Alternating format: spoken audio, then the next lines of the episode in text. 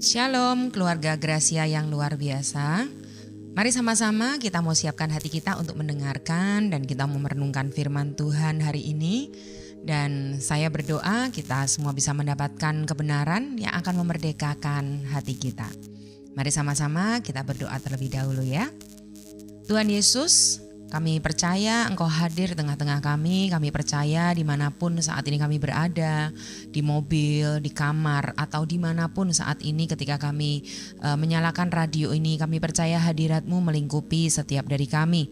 Dan hamba berdoa di dalam nama Tuhan Yesus, biar saat ini ketika kami mendengarkan firman Tuhan, ada kehendak Tuhan yang dinyatakan di dalam hidup kami. Kehendak Tuhan yang membuat kami ini menjadi semakin berkenan di hadapan Tuhan kehendak Tuhan yang membuat kami ini uh, hidupnya ini menyenangkan hati Tuhan. Hamba berdoa di dalam nama Tuhan Yesus berikan telinga seorang murid, berikan hati seorang hamba untuk kami mendengar kebenaran firman dan itu akan memerdekakan kehidupan kami. Terima kasih Tuhan Yesus di dalam nama Tuhan Yesus haleluya. Amin. Oke. Hari ini kita akan belajar firman Tuhan tentang a life of gratitude. Ya, kalau saudara suka mencatat dan saudara bisa mencatat, saudara bisa tulis gitu ya. Judul dari khotbah hari ini adalah A Life of Gratitude. Nah, kita akan mulai dulu dari definisi gratitude ya. Uh, definisi definisi gratitude itu berasal dari bahasa Latin ya, uh, yaitu gratus atau gratitudo yang artinya adalah pleasing atau thankful. Nah, dari kata ini keluarlah beberapa definisi populer ya yang uh, sebagai berikut gitu ya yang saya akan jabarkan. Yang pertama adalah gratitude itu adalah sebuah kualitas ucapan syukur ya, sebuah kondisi hati yang siap untuk menunjukkan apresiasi dan membalas kebaikan. Nah, definisi yang kedua, ya, gratitude itu adalah sebuah perasaan menghargai yang kuat kepada seseorang atau sesuatu atas apa yang telah dilakukan orang tersebut untuk membantu kita. Ya, dan yang ketiga, definisinya adalah sebuah emosi positif dan kesadaran yang dapat diungkapkan ketika kita ini mengucap syukur atas sesuatu. Baik eh, itu hal yang berwujud maupun yang enggak berwujud. Ya, dan kesimpulannya berarti ya gratitude itu adalah sebuah perasaan, sebuah emosi ya di mana kita itu lakukan dengan sebuah kesadaran untuk kita ini bersyukur ya atas segala sesuatu yang sudah ada dalam kehidupan kita ya dan kita ekspresikan hal itu ya dengan dengan sesuatu yang nyata yang berwujud gitu ya yang orang itu juga bisa rasakan. Nah, kadang-kadang kenapa kok kita ini perlu belajar? Karena kadang-kadang ya sebagai orang Kristen kita itu lupa ya kita itu sering kali melupakan uh, karakter ini ataupun sikap ini di dalam kehidupan kita. Ya, nah itu sebabnya kita itu perlu belajar dan kita perlu mempraktekannya di dalam keseharian kita. Hidup kita ini dalam keseharian ya pasti penuh uh, dengan tantangan, penuh dengan ujian ya. Sehingga ketika kita tidak bisa memiliki ataupun kita tidak bisa membangun sikap bersyukur ini, maka kita itu akan kehilangan makna kehidupan kita. Kita akan merasa putus asa, bahkan tidak jarang loh kita itu nggak lagi bersemangat untuk hidup. Mungkin di antara saudara saat ini ada yang merasakan bahwa hari-hari ini saudara kehilangan makna hidup. Saudara merasa saudara putus asa, Bahkan saudara mungkin merasa bahwa aku nggak semangat lagi ya untuk hidup, untuk apa aku hidup dan lain sebagainya. Ya, namun kalau hari ini saudara mendengar firman Tuhan ini, ya itu artinya itu adalah sebuah pesan dari Tuhan bahwa Tuhan itu mau ngomong sama kita. Sebenarnya kita itu punya banyak alasan untuk bersyukur. Sehingga kita harus membangun sikap bersyukur ini ada di dalam kehidupan kita. Nah, kita mau belajar lebih lanjut sehingga kita bisa mempraktekkannya di dalam kehidupan kita sehari-hari. Oke, nah apa akibat dari kehilangan sikap bersyukur ini? Kalau kita nggak punya sikap bersyukur ini, ya akibatnya itu apa? Nah, ada beberapa akibat. Yang pertama, akibat yang pertama adalah pikiran kita itu akan menjadi sia-sia dan hati kita menjadi bodoh dan gelap. Ya, kita mau buka sama-sama di Roma 1 ayat yang ke-21. Roma 1 ayat 21 dikatakan, Sebab sekalipun mereka mengenal Allah, mereka tidak memuliakan dia sebagai Allah atau mengucap syukur kepadanya. Sebaliknya, pikiran mereka itu menjadi sia-sia dan hati mereka yang bodoh menjadi gelap. Nah, dikatakan mereka itu mengenal Allah. Jadi sangat bisa kita yang mengaku kita ini anak Allah, tapi ternyata kita itu kehilangan sikap bersyukur ini. Apa akibatnya? Akibatnya pikiran kita firman Tuhan mengatakan menjadi sia-sia dan hati kita menjadi bodoh dan gelap. Apa artinya hati itu menjadi bodoh dan gelap? Artinya adalah kita itu kehilangan arah. Artinya adalah apa yang penting itu jadi nggak penting. Dan apa yang nggak penting mungkin malah jadi penting. Kehilangan arah itu artinya kita kehilangan prioritas di dalam hidup kita. Kita mengejar apa kata dunia. Kita mengejar pengakuan dari dunia. Apa sih yang dunia katakan tentang orang hebat? Yang dunia katakan tentang orang hebat itu adalah orang yang punya saldo sekian. Ya, punya apa? Pakai apa? Ya, bentuk fisik seperti apa? ya bahkan mungkin lebih detail liburannya ke mana ya hangout dengan siapa ya bisa foto atau bisa pergi de dengan siapa nah itu semua yang dikejar itu adalah apa yang dunia katakan adalah hal yang penting sehingga tidak jarang kita lupa apa yang benar-benar penting pikiran kita menjadi sia-sia hati kita menjadi bodoh dan gelap. Kita lupa pada kasih dalam keluarga yang perlu kita usahakan. Kita lupa pada masa depan yang perlu kita perjuangkan. Kita lupa pada pertumbuhan rohani dan kesehatan mental yang perlu kita jaga. Karena hati kita menjadi bodoh dan gelap. Sehingga ketika kita itu kehilangan sikap bersyukur, kita itu bisa kehilangan arah. Kita bisa terus mencari, terus mengejar. Kita terus bisa berputar-putar pada apa yang dunia katakan penting. Dan kita lupa pada apa yang sungguh-sungguh penting. Ya. Nah, yang kedua, apa akibat dari kehilangan sikap bersyukur ini? akibat dari kehilangan sikap bersyukur ini adalah kita itu nggak pernah puas dan kita itu punya keinginan yang tidak terbatas. Ya, saudara bisa catat. Yang kedua adalah tidak pernah puas dan punya keinginan yang tidak terbatas. Tidak bersyukur itu sering kali berkaitan erat dengan ketidakpuasan di dalam hati kita. Ya, nggak puas. Ya, kenapa? Karena punya keinginan yang terus menerus, punya keinginan yang tidak terkendali. Dan akhirnya apa yang terjadi? Kita jadi orang yang terus-menerus mengeluh. Kita bersungut-sungut. Nah, contohnya itu adalah bangsa Israel, Saudara. Kita mau buka sama-sama di 1 Korintus 10 ayat yang ke-10 sampai ayat yang ke-11. Saya akan bacakan, sudah bisa dengarkan dan simak baik-baik. Oke? 1 Korintus 10 ayat yang ke-10. Ya, demikian firman Tuhan, dan janganlah bersungut-sungut seperti yang dilakukan oleh beberapa orang dari mereka. Mereka itu siapa? Bangsa Israel. Sehingga mereka dibinasakan oleh malaikat maut. Semuanya ini telah menimpa mereka sebagai contoh dan dituliskan untuk menjadi peringatan bagi kita yang hidup pada waktu itu, di mana zaman akhir telah tiba. Sebab itu siapa yang menyangka bahwa ia berdiri teguh, hati-hatilah supaya ia jangan jatuh. Nah, Lihat ayat yang ke-13. Pencobaan-pencobaan yang kamu alami ialah pencobaan-pencobaan biasa yang tidak melebihi kekuatan manusia. Sebab Allah setia dan karena itu ia tidak akan membiarkan kamu dicobai melampaui kekuatanmu. Pada waktu kamu dicobai, ia akan memberikan kepadamu jalan keluar sehingga kamu dapat menanggungnya. Ya, ayat 10 dengan jelas dikatakan jangan bersungut-sungut Jangan punya gaya hidup yang bersungut-sungut atau mengeluh.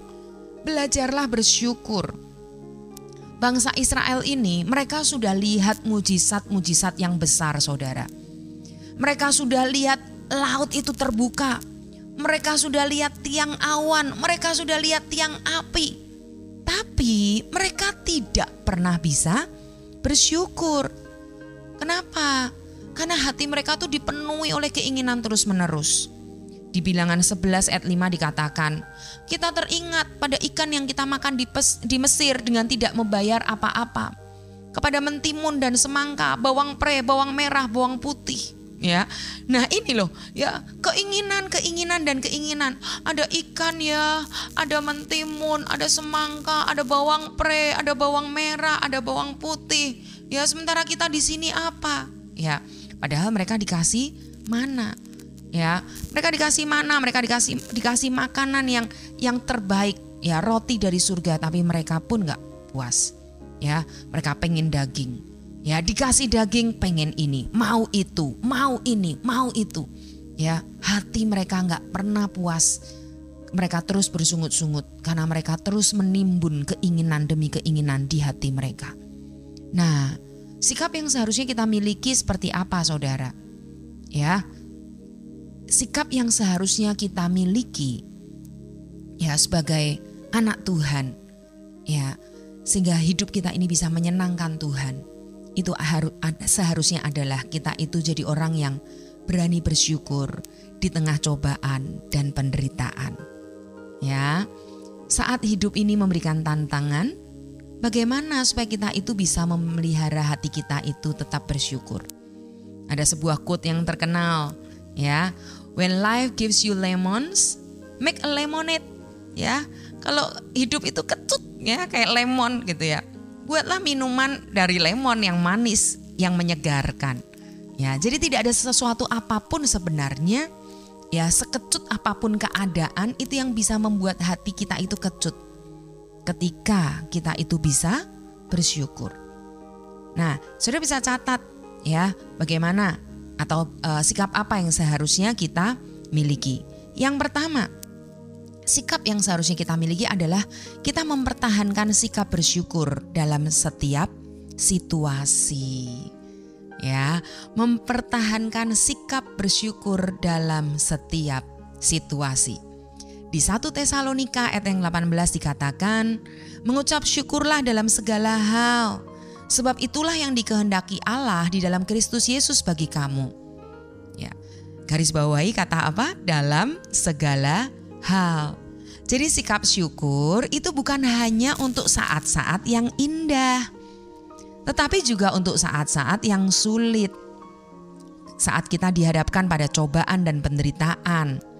Ya. Bersyukur itu bukanlah pengingkaran terhadap kenyataan. Wah, enggak, enggak. Ya, hidupku baik-baik saja. No, no, no, bukan. Ya, saat kita mengalami cobaan, saat kita mengalami penderitaan, ya, bersikap penuh dengan ucapan syukur itu adalah pengakuan bahwa Allah itu tetap setia, bahwa Allah itu kuasanya tidak terbatas dan bahwa Allah itu pegang kendali atas setiap situasi. Ya. Jadi bukan berarti kita itu uh, menutup mata terhadap cobaan ataupun penderitaan ataupun ujian yang saat ini di depan kita, bukan. Tapi kita mengakui bahwa Dia tetap Allah. Dia adalah Allah. Dan kuasanya tidak terbatas dan bahwa dalam semua situasi dia tetap pegang kendali. Ada amin? Ya. Nah, melalui sikap syukur seperti ini ya kita dapat melihat pelajaran dan kita uh, bisa melihat hal-hal baru yang Tuhan itu mau untuk kita pelajari sehingga kita mengalami pertumbuhan dalam kehidupan kerohanian kita. Ya. Meskipun mungkin sulit di awalnya, ya, tetapi bersyukur dalam segala situasi itu membuka pintu untuk pertolongan dan pintu untuk pemulihan yang datangnya dari Tuhan. Oke, jadi sikap yang seharusnya kita miliki yang pertama adalah mempertahankan sikap bersyukur dalam setiap situasi. Nah, yang kedua, ya, sikap seperti apa ya yang kita harus miliki? Ya, yang kedua adalah mencari hikmat di balik penderitaan. Di Yakobus 1 ayat yang kedua sampai ayat yang keempat dikatakan, Saudara-saudaraku, anggaplah sebagai suatu kebahagiaan apabila kamu jatuh ke dalam berbagai-bagai pencobaan. Sebab kamu tahu uji bahwa ujian terhadap imanmu itu menghasilkan ketekunan. Dan biarkanlah ketekunan itu memperoleh buah yang matang, supaya kamu menjadi sempurna dan utuh dan tidak kekurangan suatu apa pun. Ya, di Yakobus 1 ayat 2 sampai 4. Nah, apa yang kita bisa pelajari? Bahwa di dalam penderitaan terkadang kita itu bisa menemukan hikmat terkadang kita itu bisa menemukan pemahaman yang lebih dalam tentang rencana Allah. Dan saat kita bersyukur di dalam penderitaan, kita itu mungkin akan menemukan bahwa Allah itu sedang membentuk karakter kita. Allah itu sedang mengajarkan kita untuk bergantung sepenuhnya kepada Tuhan. Dan bahwa Tuhan itu sedang mempersiapkan kita untuk tugas-tugas yang lebih besar di masa depan. Jadi, bersyukur di tengah penderitaan adalah bukti kepercayaan bahwa Allah mengendalikan segala sesuatu ya untuk kebaikan bagi mereka yang mengasihi Dia. Ya, sudah bisa buka di Roma 8 ayat 28 dan itu menjadi uh, pegangan buat kehidupan kita bahwa segala sesuatu ya itu akan mendatangkan kebaikan bagi orang yang mengasihi Dia. Oke? Ya, jadi yang kedua, bagaimana seharusnya kita bersikap Saudara? Ya, ketika kita mengalami penderitaan, kita mencari hikmat di balik penderitaan itu. Ada proses, ya, ada pembentukan karakter, ya, dan mungkin itu adalah waktu di mana Tuhan itu mempersiapkan kita untuk hal-hal yang lebih besar di masa depan. Nah, yang ketiga, ya, yang terakhir, bagaimana seharusnya kita bersikap? Ya, kita seharusnya bisa menemukan ketenangan dan penghiburan di dalam ucapan syukur. Oke, ya. Ada ketenangan dan ada penghiburan.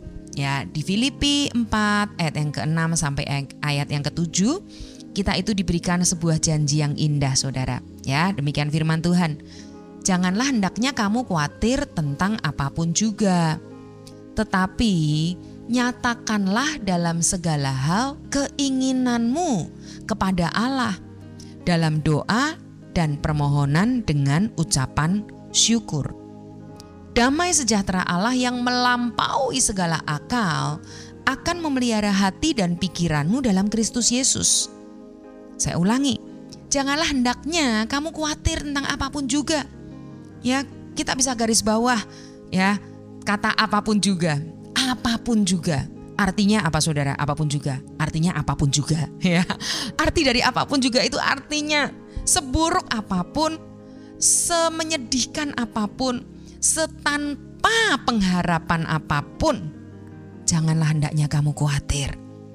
Ya, tetapi nyatakanlah dalam segala hal keinginanmu kepada Allah dalam doa dan permohonan dengan ucapan syukur. Ya, maka damai sejahtera Allah yang melampaui segala akal. Karena sering kali ya logika kita itu nggak nyampe dengan logikanya Tuhan. Pikiran kita tuh nggak nyampe dengan rencana Tuhan. Tapi damai sejahtera Allah yang melampaui segala akal itu yang akan memelihara hati dan pikiran kita di dalam Kristus Yesus. Saat hati kita bersyukur, hati kita ini diisi dengan damai sejahtera yang berasal dari Allah. Jadi bukan damai yang datangnya dari penghiburan manusia, bukan da damai yang datangnya dari janji-janji pertolongan dari manusia. No, bukan. Tapi hati kita itu akan diisi dengan damai yang berasal dari Allah sendiri. Nah, ucapan syukur itu adalah kunci ya, supaya hati kita itu bisa diisi dengan damai. Dan kunci untuk menjaga hati kita tetap tenang. Dan kita bisa tetap merasakan penuh sukacita walaupun kita ada di tengah badai kehidupan kita. Dengan bersandar pada Tuhan di dalam doa dan ucapan syukur, kita akan dapat menemukan penghiburan yang mendalam yang hanya bisa diberikan ketika kita bersandar kepada Tuhan, ketika kita ada di dalam hadirat Tuhan. Ada amin? Ya, jadi yang ketiga kita uh, sikap yang harus kita miliki adalah ya kita itu tetap tenang. Ya, maka kita akan menemukan penghiburan ya ketika kita itu terus mengucap syukur. Ada amin ya. Nah, hari ini kita mau menyadari bahwa Allah itu memberikan kita hidup. Allah memberikan kita kesehatan, keluarga, pekerjaan, dan begitu banyak anugerah lainnya. Mari sama-sama kita mau belajar untuk selalu mengenali kasih Tuhan di dalam setiap langkah kita.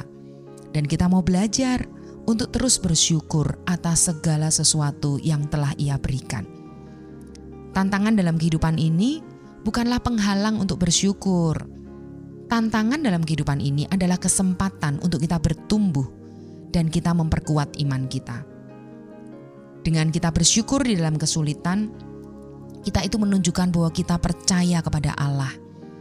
Kita percaya penyertaannya selalu ada bersama dengan kita. Kita percaya pribadinya senantiasa membimbing dan memimpin kita melewati setiap masalah, melewati setiap badai, melewati setiap tantangan. Ada amin? Ya, dan kehidupan yang penuh dengan syukur itu bukan hanya tentang menerima, tetapi juga memberi. Ya, jadi ketika kita penuh dengan ucapan syukur, ya, maka kita akan melihat kita bukan cuma sekedar jadi orang yang menerima, menerima, menerima, tetapi kita juga akan bisa belajar untuk memberi. Dengan bersyukur, ternyata kita bisa jadi saluran berkat bagi orang lain dan kita bisa menjadi saksi kasih Allah kepada dunia. Mungkin orang di luar sana bisa melihat, sekalipun kita mengalami tantangan, tapi ucapan syukur itu tidak pernah lepas dari lidah bibir kita dan selalu menjadi sikap dalam kehidupan kita. Maka orang-orang di luar sana pun akan diberkati dengan kehidupan kita. Mereka dibangun imannya, mereka dibangun kembali kehidupan mereka, dan mereka tahu ada sesuatu yang berbeda di hidup kita dan mereka bisa melihat Tuhan dimuliakan melalui kehidupan kita. Amin. Ya, saya berdoa firman Tuhan hari ini mengubah kehidupan saudara. Firman Tuhan hari ini mengubah hati saudara. Mungkin gak instan keadaan saudara berubah, tapi hidup saudara, hati saudara, mindset saudara hari ini diubahkan. Bahwa mungkin memang saat ini kita sedang mengalami pergumulan, tapi hati yang penuh dengan ucapan syukur itu senantiasa ada dalam hidup kita dan kita siap untuk melihat mujizat demi mujizat terjadi di hidup kita. Amin. Mari sama-sama kita berdoa. Ya, kita mau menteraikan semua firman Tuhan yang kita dengar hari ini. Tuhan Yesus, saat ini kami datang di hadapan Tuhan. Kami bawa seluruh kehidupan kami. Mungkin hari-hari ini ada beberapa di antara kami yang mengalami sakit penyakit, ada beberapa di antara kami yang kami mungkin mengalami kesulitan dalam finansial kami. Mungkin ada konflik di dalam keluarga yang tidak kunjung selesai. Ada hal-hal yang terjadi di luar kendali kami.